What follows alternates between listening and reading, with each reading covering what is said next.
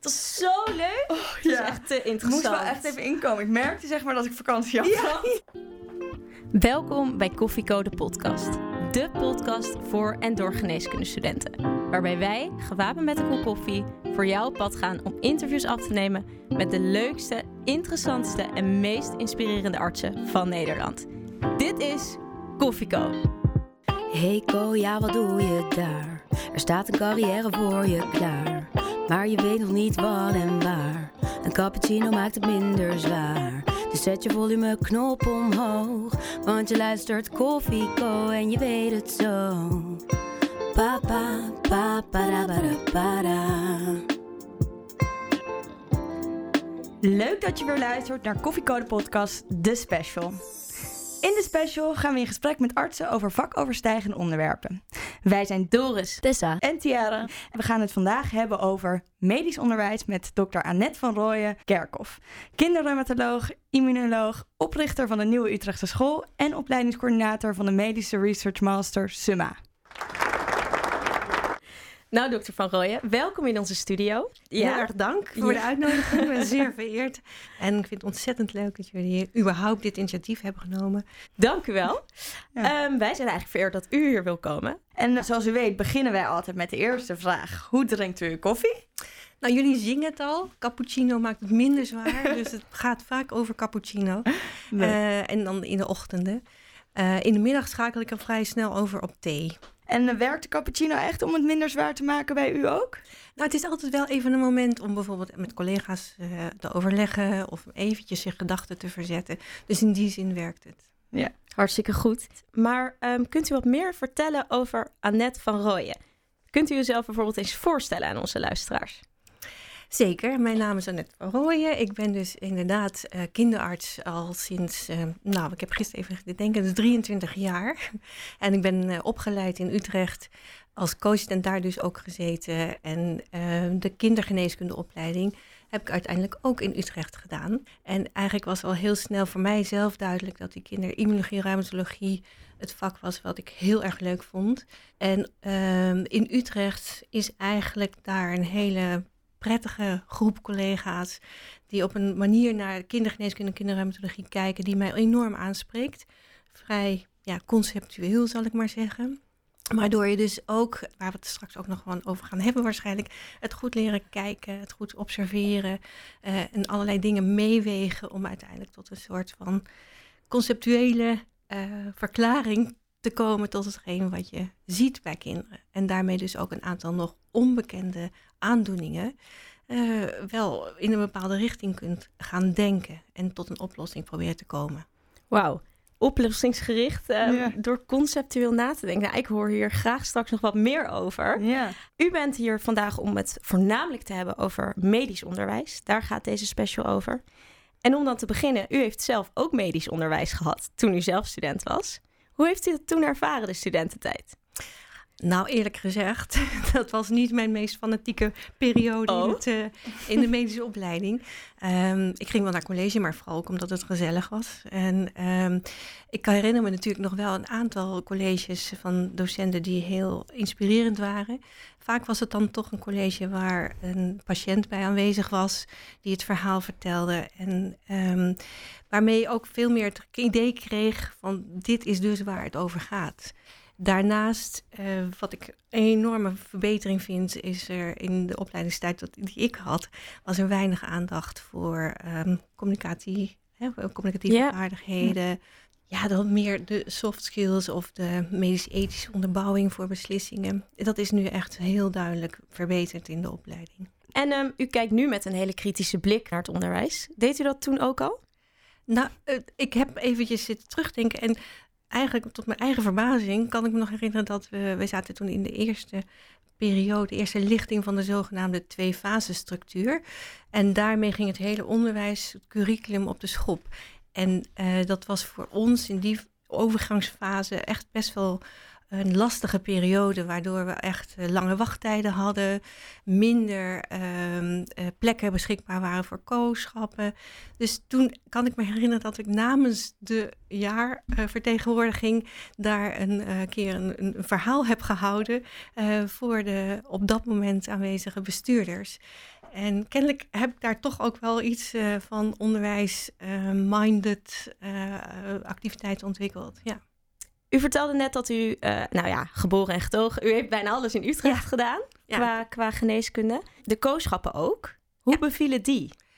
Nou, kooschappen waren uh, eigenlijk ehm, vanaf het moment dat ik de kliniek inging, dacht ik van nou, dit, dit is dus inderdaad waar het over gaat. En vond ik het fantastisch. Het klinkt inderdaad heel saai. Als je zegt, vind ik alles in Utrecht gedaan. Uh, maar de kooschappen waren de periode waarin ik dacht, nou, dat is, dat is echt heel, het past heel erg bij me. Ja, heb contact met de patiënt, maar ook met de verpleegkundigen, onderling met de dokters. Uh, dat was toen en inmiddels maakt u zich hard voor het medisch onderwijs van uh, geneeskunde. Waarom vindt u dat zo belangrijk? Nou, in algemene zin is onderwijs natuurlijk heel belangrijk. Hè? Als je wilt eh, gaan veranderen met de maatschappij die verandert, betekent dat je mensen moet informeren en dat je kennis moet gaan ontwikkelen. Uh, dus onderwijs is niet alleen voor geneeskunde, maar in algemene zin heel belangrijk. Maar voor geneeskunde is het uh, medisch onderwijs Um, heel belangrijk, omdat het een vak is waar, nou ja, waar ik zelf ook later pas achter gekomen ben, wat een hele uh, verschillende dimensies heeft. Ik begon als artsassistent dat ik ook veel colleges gaf en daarna als net klare kinderarts. En dat achteraf gezien als een enthousiaste amateur. Maar er zit natuurlijk een hele gelaagdheid en dat het vak ook zo gelaagd is.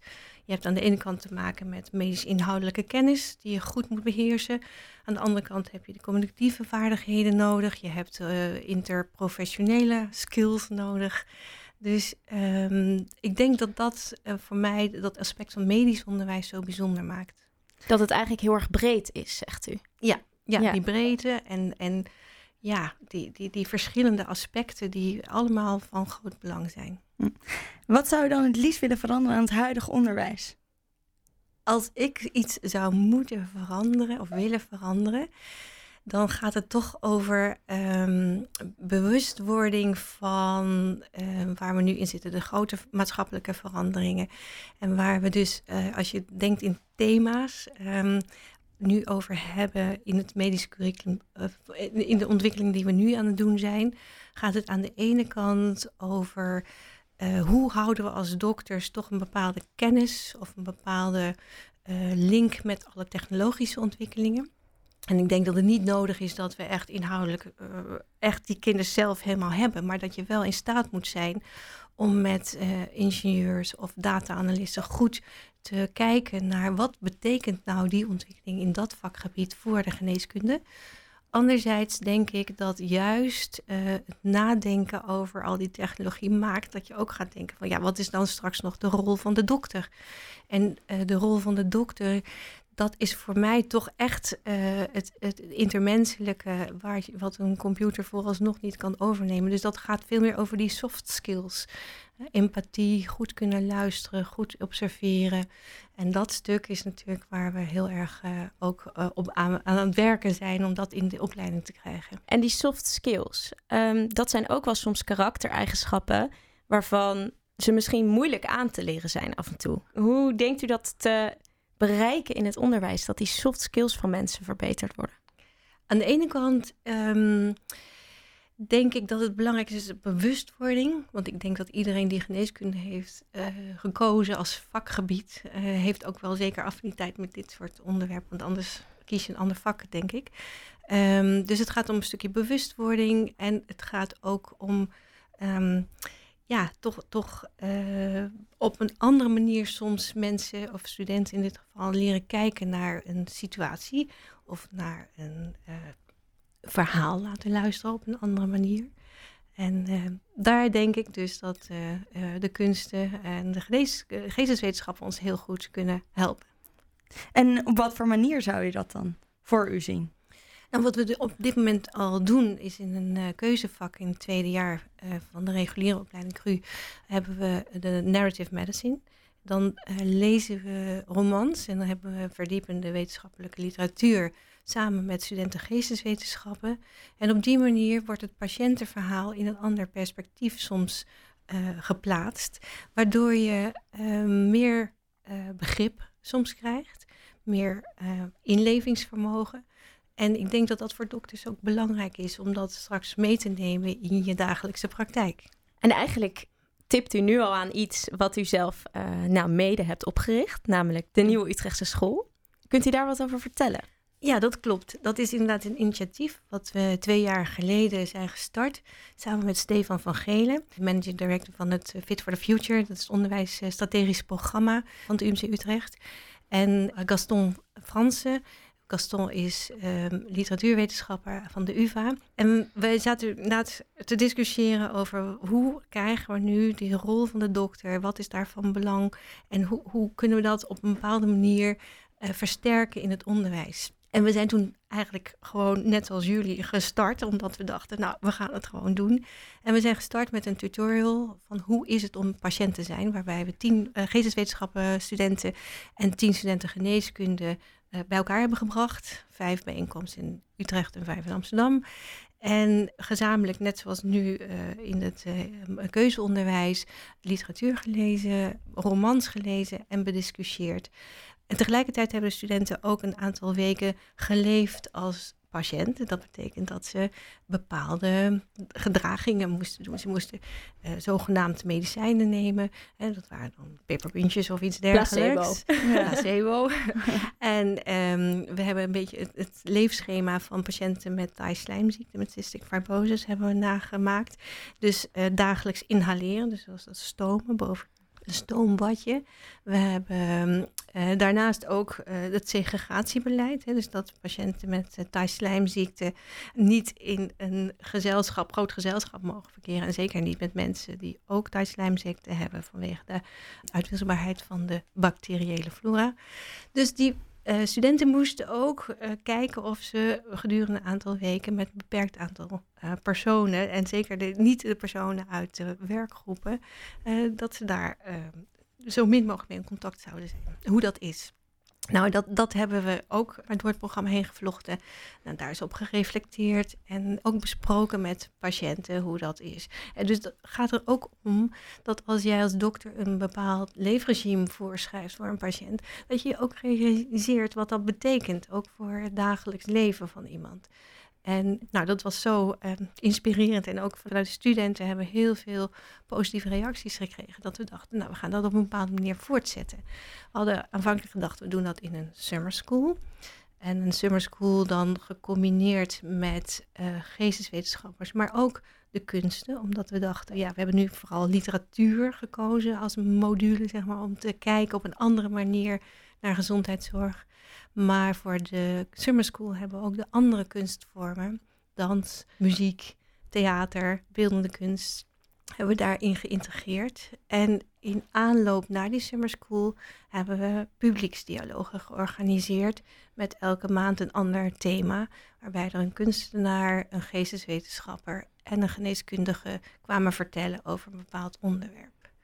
En dat is dus nu twee jaar geleden. En um, nou, nou, een groot succes. Ja, nou, eigenlijk, je, je, je merkt inderdaad dat er, dat er een voedingsbodem voor is. Ja. En eh, dat gebeurt wel vaker natuurlijk, dat wij nu daar niet uniek in zijn in Utrecht. Je ziet in andere faculteiten, in andere steden ook dat dit soort initiatieven um, er zijn of al langer uh, bestaan. Maar ik denk dat de invulling die wij erin hebben aan hebben gegeven, dat die wel uniek is. En is dat dan alleen op, uh, bij de Summa of is dat ook in het normale het curriculum? Is ook in, in het reguliere, in CRU en uh, zelfs nog meer in CRU dan in Summa. Okay. Dus het is uh, zeker niet beperkt tot Summa. Ja. Ja. En heeft u zelf ook meegedaan met die patiënteninleving? Ja. Ja? ja? Hoe, hoe was dat voor u? Nou, ik moet zeggen, en dat is een beetje wat we allemaal merken, dat um, het innemen van medicijnen, dat, dat lukt nog wel. Maar op het moment dat het je sociale leven raakt, hè, dus dat je inderdaad uh, minder in contact bent met anderen, uh, dan wordt het echt lastig. Ja, dus dat was het moeilijkste aspect. Ja, en u had het net al een beetje over de doorvertaling in ons curriculum. Kunt u dat meer uitleggen hoe dat zich vormgeeft? Nou, dus nu middels die keuzecursus, ja. uh, Narrative Medicine, Uh, er worden, uh, wordt nu ook gewerkt aan een minor van Medical Humanities, dus dan wordt het wat breder. Okay. Dan gaat het ook over medische ethiek en de medische geschiedenis. Er is natuurlijk nu al Medical Humanities in het curriculum, maar dat willen we uitbreiden, uitwerken. Okay. Ja. Ik kan me voorstellen dat als u zelf bij die publieksdialogen bent geweest en misschien wel hebt meegedaan en zoveel verschillende kanten worden belicht, ook uh, ja, vanuit de geesteswetenschappen en vanuit de kunsten, dat u daar zelf als arts ook nog veel van kunt leren. Zeker, zeker. En, en dat gaat er inderdaad heel erg over um, dat je je soms niet helemaal bewust bent van wat een bepaalde, hè, waar we het net voor over gehad hebben, voorschrijven van geneesmiddelen of bepaalde leefregels, wat dat voor impact kan hebben. Maar ook uh, luisteren, observeren. Dat, dat zijn allemaal aspecten waar je nooit, denk ik, goed genoeg uh, aan de slag kunt zijn. Ja. Ik vind het ontzettend leuk om te horen dat u zoiets heeft opgericht. Um, maar ik vraag me nog af, wat triggerde u om dit concreet te gaan doen? Nou, toen ik drie jaar geleden ongeveer uh, opleidingscoördinator voor Summa werd, um, toen, toen ben ik heel erg gaan nadenken van wat is nu nodig in het onderwijs, maar überhaupt hè, het dokter zijn van de yeah. toekomst. Hoe ziet dat eruit? Wat voor dokters moeten we nu eigenlijk opleiden? En aan de ene kant is dus dat aspect van, nou ja, je moet je ook wel verdiepen in alle vernieuwende technologische ja. ontwikkelingen. Maar de andere kant is dus, wat, wat maakt nou dat dokter zijn uniek? En, en daar zit voor mij heel erg de vertaling naar die, nou ja, we noemen het een beetje soft skills, maar, ja. maar die wat, wat andere benadering van uh, geneeskunde. Dus dat gaat eigenlijk over het geneeskunde weer echt geneeskunst te laten zijn. Was er eigenlijk ook een bepaald moment of gebeurtenis die uw hele kijk op de medische wereld heeft veranderd? Nou, dat, dat is natuurlijk voortdurend dat je, dat je door patiënten op een gegeven moment denkt van, maar zo heb ik er nog nooit tegen aangekeken. Maar wat voor mij echt, nou ja, de game changer, zullen maar zeggen, is geweest. Het is um, een meisje wat uh, in tijd 11 jaar oud was en had een uh, hele zeldzame auto-immuunziekte. Waarbij je dus een hele verstrakking van de huid krijgt, de sclerodermie. En daarnaast had ze voortdurend uh, wondjes op de vingertoppen. Die leidden tot echt uh, necrose, dus, dus versterving, omdat de doorbloeding van die vingertoppen niet goed was. Dus we hebben met de conventionele behandeling gezorgd dat, dat uh, de doorbloeding verbeterde. Maar ze had aan de ene kant heel veel bijwerkingen van die medicijnen. Aan de andere kant deed het ook onvoldoende en hield ze die klachten. Nu was er voor volwassenen een medicijn beschikbaar, wat voor deze indicatie inderdaad gegeven kon worden. En dat werd dan ook gewoon vergoed door de zorgverzekeraar. Maar bij dit meisje, omdat ze dus zo jong was, wilde de zorgverzekeraar dat niet vergoeden. En toen is er eigenlijk iets, zeg maar, ehm, in mijn wakker geschud dat ik dacht, ja, maar dat is heel onrechtvaardig. Dat, dat moeten we niet zo laten bestaan. Nou, eindeloos bellen en mensen overleggen. Maar nee, het wordt niet vergoed. En dat zou eigenlijk betekenen dat die mensen uh, nou ja, een bedrag van 1000 euro per maand zouden moeten uitgeven aan dit medicijn. Nou, dat is natuurlijk niet te doen. Toen op een gegeven moment toen bestond de Stichting Eerlijke en Geneesmiddelenvoorzieningen. Die bestond toen nog, die is helaas nu niet meer actief. Maar uh, dat waren, uh, was een verzameling van onder andere juristen, advocaten die met financiële ondersteuning uit giften en van bedrijven patiënten hielpen in dit soort dilemma's. Daar heb ik mee contact gehad en zeiden, nou, we willen eigenlijk wel kijken of dit een casus kan zijn die we bij de uh, rechter voorleggen. En daarin hebben we in die zin gelijk gekregen dat de zorgverzekeraar ook een zorgplicht heeft. En het meisje kreeg dus de medicatie vergoed. En toen is er uh, de zorgverzekeraar aan ons gaan vragen, ja, maar dit is een wat zij noemen oneigenlijke pakketuitbreiding. Want zij moeten ineens een medicijn vergoeden wat formeel niet in hun ja. pakket zit. dus zij hadden zoiets, ja, als dit zo uh, is, dan kan het zijn dat er heel veel meer op ons afkomt. Ja. Om te kijken hè, uh, of daar jurisprudentie over kan ontstaan. Nou, in die periode ben ik heel erg ook ja, je mag gaan inlezen en, en bij helemaal mensen navraag gaan doen. En um, om, om een beetje te snappen hoe dat hele systeem werkte.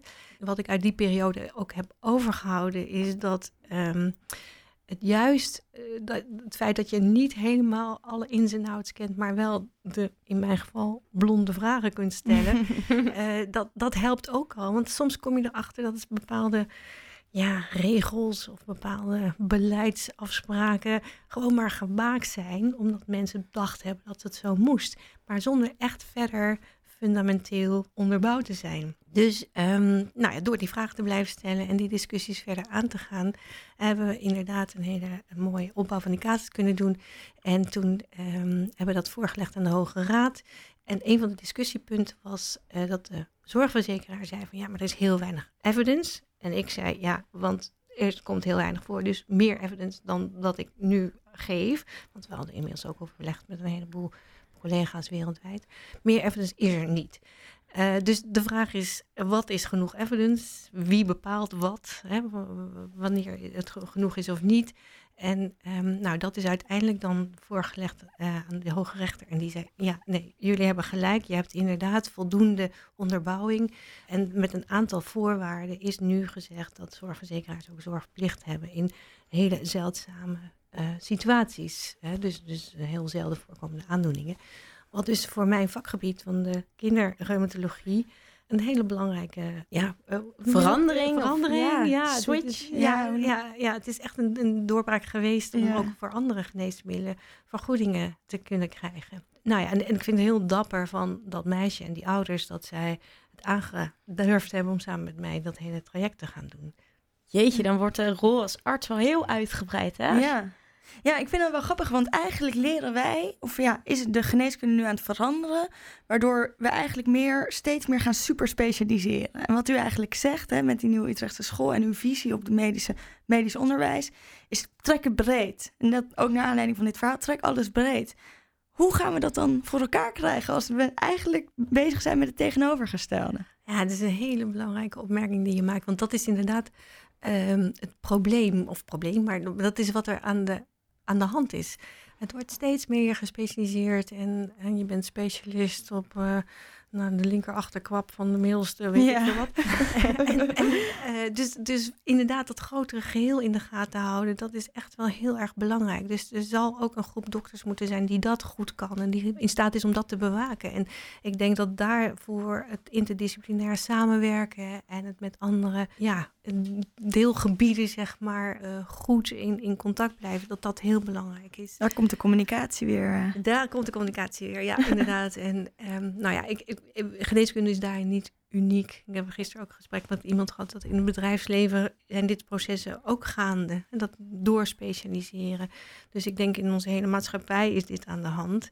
Maar voor geneeskunde geldt inderdaad dat we dat echt moeten gaan bewaken, het grotere geheel. Ja, Waar ik ook nog graag even op in zou willen gaan, is dat wij lazen dat u en de nieuwe Utrechtse school vinden dat in het medisch onderwijs we meer naar teaching uncertainty toe moeten. Kunt u dat toelichten? Ja, dat is wel iets waar ik zelf ook heel erg door getriggerd werd toen ik dat in een verhaal hoorde. Het is ook een uh, heel mooi artikel over gepubliceerd dat eigenlijk onzekerheid uh, um, wordt op dit moment een beetje um, overruled. Hè? We kunnen alles meten, wat ik net ook al over had. En dat suggereert dat alles maakbaar en meetbaar is. Terwijl in mijn ogen dat echt een reductie is van de complexiteit van de biologie. En dat dus uh, een zekere mate van onzekerheid, om het zo maar te zeggen, juist helpt om te blijven nadenken.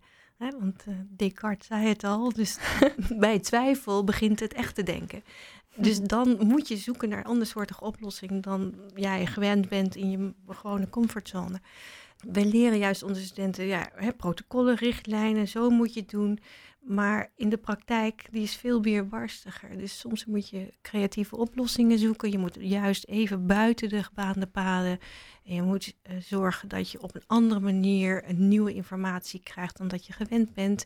Dus het toestaan van onzekerheden en daarmee aan de slag gaan, het omarmen van die onzekerheid, dat is volgens mij juist een hele grote meerwaarde van uh, ja, hoe we in de toekomst het vak moeten gaan doen. Maar ook wel een uitdaging om dat te bewerkstelligen. Want als ik kooschap loop en ik onzeker ben, dan voel ik me niet goed.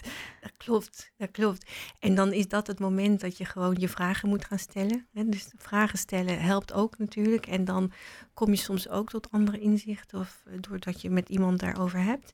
En, en je vindt gewoon dan op die manier vind je natuurlijk wel weer nieuwe zekerheden. Of je zult op een gegeven moment ergens natuurlijk wel weer een vertrekpunt moeten kiezen om een bepaalde beslissing te nemen.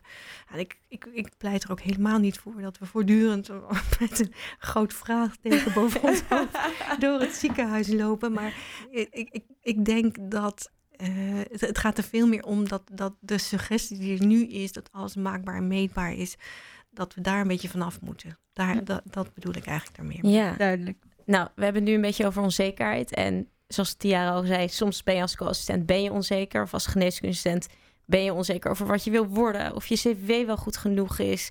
Alle hokjes die je moet afvinken. Ja, en daarin zie je ook dat bijvoorbeeld burn-outs, waar we het in een andere aflevering uitgebreid over hebben, dat dat ook veel voorkomt onder geneeskundestudenten.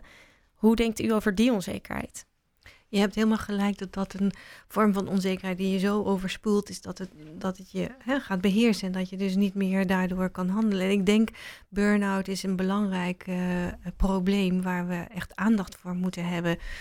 Weerbaarheid, hè, dus de andere kant, dus dat je wat flexibeler wordt en dus inderdaad niet alles uh, probeert krampachtig in, in, in de hand te houden. Dat is juist ook dat aspect waar we het net een beetje over hadden, die teaching uncertainties. Ik denk dat uh, als je ervan uitgaat dat bepaalde situaties onzekerheid oproepen, maar dat je daar niet van schrikt of daar, daar heel erg van in de kramp schiet, maar dat, ja, klinkt een beetje zweverig, maar omarmt als een nieuw vertrekpunt van ja, oké, wat gaan we nu doen en wie kan ik dan nu bevragen om mij te helpen of mee te denken, uh, dat het ook al heel anders wordt. Dus uh, dat je daar ook een stukje ontspanning zoekt. Maar ik kan me heel goed voorstellen, hè, want tegenwoordig met, met alle selectiecriteria, vanaf de vierde klas middelbare school ben je al cv-building aan het doen, doe je sociale stages om maar vooral in die geneeskundeopleiding te komen. En dan kan soms de werkelijkheid van de opleiding wel eens tegenvallen, of misschien van het vak. Ja. En uh, dat helpt natuurlijk ook niet mee. Um, dat we zo selecteren en dat je eigenlijk veel meer, ook in een misschien latere fase van het leven, zou willen selecteren. Want als je 16 bent, wat is dan je perceptie van het vak van de geneeskunde, van de dokter? Is, klopt dat allemaal wel? Of Dus ja. daar zit ook denk ik een element in wat uh, bijdraagt uh, frequent voorkomen van burn-out. U bent nu al 23 jaar kinderarts, zei u net? Ja. Ja. Bent u nog wel eens onzeker? Zeker ben ik onzeker. ja, nee, dat, dat, er zijn voortdurend toch momenten dat je denkt van jeetje, maar moet ik nou inderdaad wel of niet een bepaald medicijn starten? Of moet ik wel of niet een bepaalde uh, nou, behandeling voorstellen. En, en nou ja, dat, dat is dus inderdaad een moment waarop we met de collega's op de tafel gaan, waarbij iedereen input levert en waarbij je probeert een zo breed gedragen mogelijke beslissing te nemen. Want je moet op een gegeven moment natuurlijk wel handelen. Je moet wel iets doen. Dat wordt ook van je verwacht in jouw rol als dokter. Dus uh, die onzekerheid uh, moet je niet voortdurend laten bestaan. Daar moet je wel iets mee doen. Denkt u dat het een oplossing is om dat bespreekbaar te maken tijdens het onderwijs? Wat mij betreft zou dat een hele goede zijn. En we proberen natuurlijk ook voortdurend in het onderwijs hands-on met een casus aan de slag gaat. En dan de overwegingen, het je afvragen van hoe zit het en, en waarom is het in deze situatie wel en in de andere situatie niet geschikt dat is een manier waarin je die vragende vorm en het uitwisselen van gegevens, denk ik, heel goed kunt uh, oefenen. Naast dat interactieve colleges heb ik ook gelezen dat u de studenten meeneemt buiten de collegezalen um, naar het Rijksmuseum. Dat hebben we ook inderdaad ja. gedaan. Dat is een soort workshop, een pilot van uh, werkt dat inderdaad, dat, dat leren observeren. was ontzettend leuk. En wat ik daar vooral ook heel erg leuk aan vond, is dat we, uh, we waren daar met studenten, met uh, verpleegkundigen, verpleegkundigen in opleiding, met de hoogleraren, met docenten. Dus een heel gemêleerde groep. En we hebben een aantal oefeningen gedaan. En, en wat dus heel belangrijk is, dat de hiërarchie daar wegvalt. Uh, op een gegeven moment hebben we dus ook gekeken in een oefening. Dan moet je met je rug naar een kunstwerk toe staan. En iemand moest dan dat kunstwerk voor jou beschrijven. En dan moet je dat tekenen. En je kunt dat zelfs ook bijvoorbeeld vertalen naar de situatie van de dienst. Als ik s'nachts iemand aan de telefoon heb die een patiënt voor mij beschrijft, dan ja. moet ik bepaalde kaders hebben. Van hoe ziet dat kind eruit? Wat is er op dat moment aan de hand? Maar je moet ook tegelijkertijd een aantal details weten. Dus, dus op die manier zou je het kunnen vertalen naar um, ja, de, de, praktijk van de geneeskunde. En um, ik moet zeggen, dat werkte heel erg goed. En dat ook dat, dat uh, je daarop dus merkt dat de interactie tussen nou ja, de hoogleraar en de student en de en verpleegkundige enzovoort, dat dat uh, op een hele gelijkwaardige manier ging. En dat is denk ik ook heel waardevol. Vindt u dat elke dokter, ja, elke arts uh, moet kunnen lesgeven? Want het is niet voor iedereen weggelegd. maar ik denk dat de rol van, van het lesgeven niet alleen is op het moment dat je een college of een werkgroep geeft. Je bent voortdurend eigenlijk, ook op de, eh, zeker in het academisch ziekenhuis, maar in elke situatie, ben je bezig met, nou ja, met, met anderen die weer van jou leren. En hè, als rolmodel of uh, nou, ook niet-academisch ziekenhuis. Uh, we zien ook mensen in opleidingssituaties zitten. Of junior staf die weer leert van mensen met ervaring. Dus eigenlijk denk ik dat iedereen een vorm van onderwijs geeft. En het klopt dat niet iedereen werkgroepen geven leuk vindt. Maar die vindt dan misschien wel heel erg leuk om uh, op een OK een bepaalde operatietechniek uit te leggen. Dus uh, ik denk dat iedereen uh, aan het onderwijs geven is voortdurend. De co-telefoon. Ja, de co-telefoon is altijd een vraag ingestuurd door een van onze luisteraars. En die luidt vandaag als volgt. Even kijken. Geeft u zelf les of laat u dat liever aan een ander over? Ik geef zelf ook les. En uh, ik vind dat ook belangrijk, omdat ik vind dat je ook hands-on moet kijken van uh, hoe gaat dat in de interactie met de studenten. Ik vind het ook heel leuk om studenten te leren kennen en met ze te werken. Dus uh, ik geef heel graag zelf ook les. En wat maakt het dat u dat goed kan? Wat is daar belangrijk in? Ik weet niet of ik het echt goed kan. Want ik denk zelf dat ik daar nog echt ook heel veel um, dingen uh, voortdurend ook weer aan het ontwikkelen ben. Uh, maar ik denk, is, is mijn oprechte uh, interesse in, in de studenten en van wat ze willen weten en hoe ze dat zouden willen hebben aangeboden gekregen. Maar ook omdat ik het belangrijk vind om bepaalde aspecten van de geneeskunde, die, die misschien niet helemaal volgens de boekjes zeg maar, in het blokboek staan, maar die ik wel over het voetlicht wil krijgen. En, en die aspecten wil ik heel graag meegeven omdat ik dat belangrijk vind voor hoe ze later dan in het vakgebied uh, hun, hun, werk zullen gaan doen. Ja, over het onderwijs gesproken. Naast de Nieuwe Utrechtse School bent u ook um, opleidingscoördinator, als ik het goed zeg, van de Medische Research Master Summa. Dat klopt, ja. Hoe bent u daarin gerold? Nou, na mijn uh, promotie, dat was in, nou ja, rond 2003, 2004, uh, werd in het UMC Utrecht de Medische Research Master Summa uh, opgericht. En je kunt je bijna niet voorstellen, maar dat was toen omdat er een tekort aan artsen was. En er werd eigenlijk een soort zijinstroom uh, oh. ingericht. Een droomwereld. Ja, tekort aan artsen. ja, en dat heeft ook niet zo lang geduurd dat het dat de reden was. Want toen is uiteindelijk is het omgeturnd naar een Research Master. En heeft het inderdaad de, de kwalificatie gekregen dat we opleiden tot artsonderzoeker. En na mijn promotie ben ik door mijn toenmalige leidinggevende gevraagd van is dat niet iets voor jou om in mee te denken in de ontwikkeling. En ik moet zeggen, ik vond het zo ontzettend leuk omdat het nieuw was. Het was een beetje pionieren. En um, wat ik ook merkte is, er was veel weerstand op de lijn. Van, is dat allemaal wel nodig? En dat kan niet. Je kunt toch niet in vier jaar tijd dokters opleiden? Uh, nou, dat doe je ook niet. Want ze hebben al drie jaar een bachelor in de life sciences achter de rug... op het moment dat ze voor SUMA worden geselecteerd. Maar goed, al dat soort weerstanden overwinnen en, en, doorgaan, omdat het een idee is waar je in gelooft was voor mij ook ontzettend leuk om daar heel actief in betrokken te zijn en een manier van onderwijs te bedenken die inderdaad aansluit bij dat curriculum waarin je in korte tijd dus mensen toch dat vak moet gaan leren. Toen heb ik dat een jaar of zeven gedaan en toen werd ik weer gevraagd weer eh, meer klinische taken te gaan doen. Dan hebben we weer onderzoek in het WKZ wat meer uh, aandacht gegeven. Maar ik miste echt het lesgeven. Dus toen ben ik weer teruggekomen bij Summa. En um, nou, drie jaar geleden heb ik dus gesolliciteerd op de plek als opleidingscoördinator. En tot mijn grote vreugde ben ik dat toen geworden. Wauw. Ja. ja, leuk. Ja, want wij voelen ons soms een beetje benaderd. Ja. Summa krijgt zo goed les. Misschien zo van, Summa wordt op een heel groot voetstuk gezet. Summa-studenten eigenlijk. Um, omdat zij op een hele andere manier les krijgen dan dat wij krijgen. En daarin worden wij misschien als uh, normale, normale geneeskundestudenten een beetje benadeeld. Waarom is dat? Nou, dat, dat is inderdaad een beetje de beeldvorming die er is. Ehm, en die niet uh, klopt helemaal en ook niet terecht is. En um, wat ik juist van mijn SNUMA-studenten hoor, is dat zij vinden, ja, die groeistudenten die weten het allemaal veel beter. En wij hebben maar heel kort les gehad. En we weten dus de kennis is bij ons veel minder. Dus misschien is dat voor jullie goed om te horen dat dat ja, aspect er ook is. Ja. Dat vind ik wel fijn. En, uh, ja, en uiteindelijk doen jullie allemaal dezelfde ASAS, de semi-artsstages. En um, ja, zitten jullie uiteindelijk dus op hetzelfde eindniveau. Maar de insteek van zwemma is anders. Hè? Dat je echt als arts-onderzoeker wordt opgeleid. Dus in die zin is je eindprofiel anders. Mhm.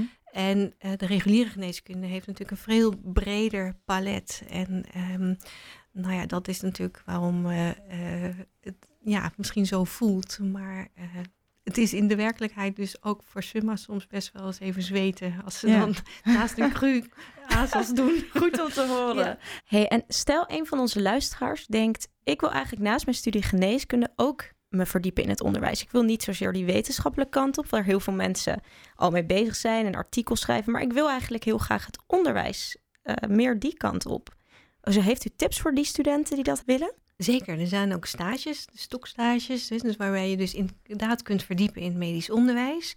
Artsassistenten uh, worden inderdaad ook enthousiasmeerd om hun uh, BKO, de basiskwalificatie van het onderwijs, te gaan halen.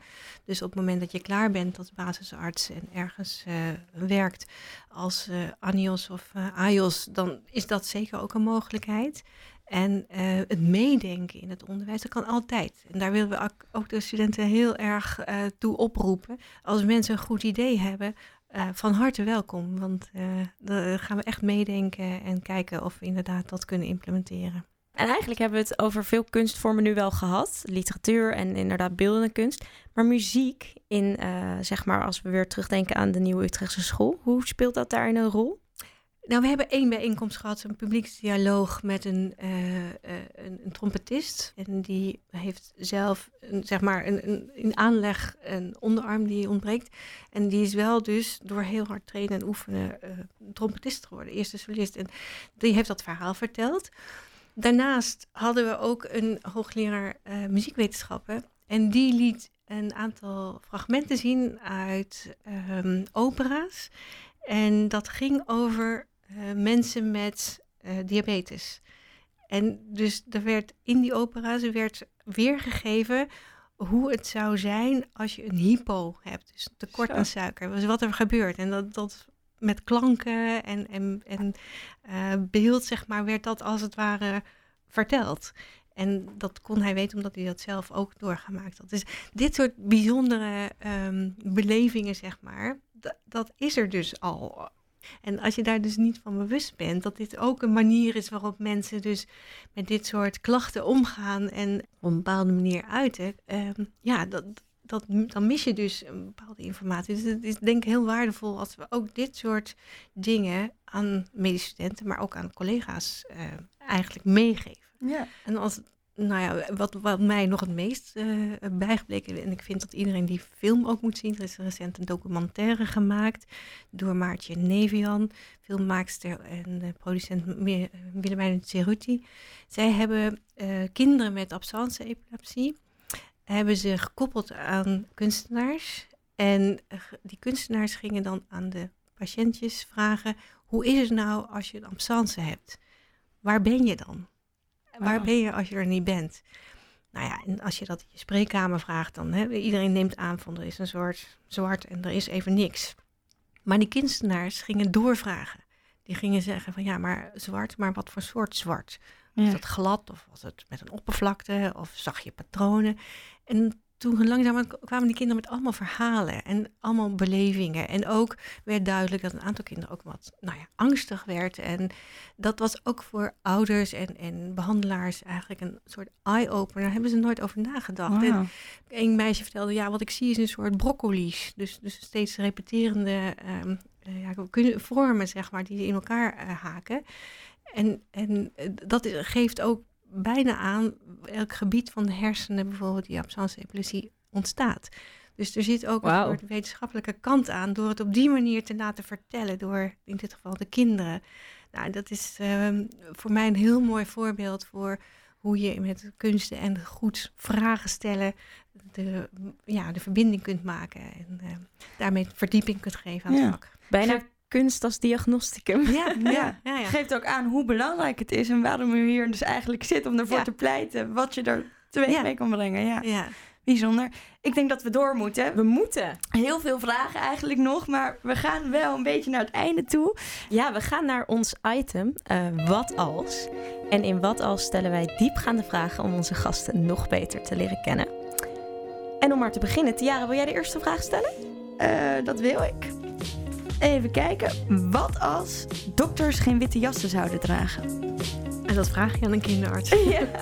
Eh, want tot nog niet heel lang geleden droegen we ook geen witte jassen. En in het kinderziekenhuis was gewoon iedereen in zijn gewone kleren. En dan had je wel even een bordje op met eh, je functie. Want het was soms voor, voor ouders heel verwarrend. Ja, het is eh, dankzij de JCI of ondanks alle toestanden rondom de JCI dat we nu ook witte jassen hebben. En het grappige is, er is ook wel onderzoek naar gedaan dat kinderen, als zij nadenken over een dokter, dat tekenen ze ook een manier in een witte jas. Dus geen Ja. mevrouw, maar een manier in een witte jas. Eh, er ook nog wat dus- aan veranderen. ja, voor kinderen maakt het eigenlijk niet zoveel uit. We hebben we geconstateerd, maar voor ouders is het met name hè, dat, dat inderdaad eh, de afstand die je toch een beetje creëert door het aanhebben van de witte jas, Mhm. eh, dat die door ouders als groter wordt ervaren. En wat mij betreft, ja, de hygiëne, zeg maar, die Ja. zogenaamd dan de leidende eh, argumentatie is voor het dragen van de witte jas, is ook maar beperkt waar. Dus wat u betreft, weer weg met de witte Ja. jassen. En Ja, in bepaalde situaties, in bepaalde situaties zou het wat mij betreft echt gewoon kunnen. duidelijk. De volgende vraag. Wat als u nog maar één boek mocht lezen voor de rest van uw leven? Ja, dan ga ik natuurlijk bij jullie podcast de rest van de tijd zitten Oh. luisteren. Ja, maar dat zou ik echt heel erg vinden. Want ehm, ja, ik, ik denk boeken, nou ja, we hebben het net natuurlijk over gehad. Dat is wel een manier om je voortdurend weer, nou ja, eh, nieuwe inzichten te geven. Dingen aan te scherpen in je eigen gedachten. Dus dat zou ik echt heel erg vinden. Dus dan zou het echt de podcast moeten worden waar ik dan mijn... eh, Toch nog Ja, de breder. creativiteit Ja, vandaan kan halen. Ja. Leuk. Oké, nou we eindigen eigenlijk altijd met ehm, een laatste tip voor aanstaande dokters. Ehm, wat is uw tip? Nou, ik denk, ik, ik heb natuurlijk de vorige podcast allemaal ook geluisterd en ik weet dat de collega's die tips die zij geven, daar sta ik ook helemaal achter. Maar ik denk dat ik nog een keer wil benadrukken hoe belangrijk het is om vragen te blijven stellen. En dus vragen stellen, eh, natuurlijk in, in waar we het net over hadden, gehad hebben met, met patiënten, maar ook met collega's. Maar ook als je straks in een systeem zit en een beetje het gevoel van de paarse krokodil krijgt. Van waarom doen we dit eigenlijk zo? Gewoon, nou ja, de vragen stellen. En dan zul je merken dat mensen soms ook denken: ja, waarom doen we dit? Dan kan het niet echt anders. En dan krijg je dus weer dingen eh, in, de, in gang gezet die tot een verbetering kunnen leiden. En verder denk ik. ehm, nou ja, de humor is ook wel belangrijk. Dus een beetje humor en ontspanning is Ja. heel belangrijk om alles te relativeren. Kritische blik en altijd een beetje een lach erbij. Lijkt me een hele mooie afsluiting. Dan zijn we bij het einde gekomen van dit interview. Ehm Dokter Van Rooyen, superleuk dat u er was. Echt ehm, een heel nieuw onderwerp en met veel, wat veel vragen bij ons heeft opgeroepen. Nog meer dan die we hebben kunnen stellen. Ehm, beste luisteraars, leuk dat jullie ook hebben geluisterd. En eh, luister volgende week weer naar een nieuwe aflevering. En volg ons op Instagram en Facebook en LinkedIn. En waar dan ook. eh, zo blijven jullie op de hoogte van onze nieuwe interviews. Dank jullie wel. Deze podcast werd mede mogelijk gemaakt door Universiteit Utrecht, Hogeschool Utrecht, Opleiding Journalistiek, UMC Utrecht en Utrechts Universiteitsfonds STUF. Abonneer je op deze podcast en volg ons op Instagram, @koffiecopodcast.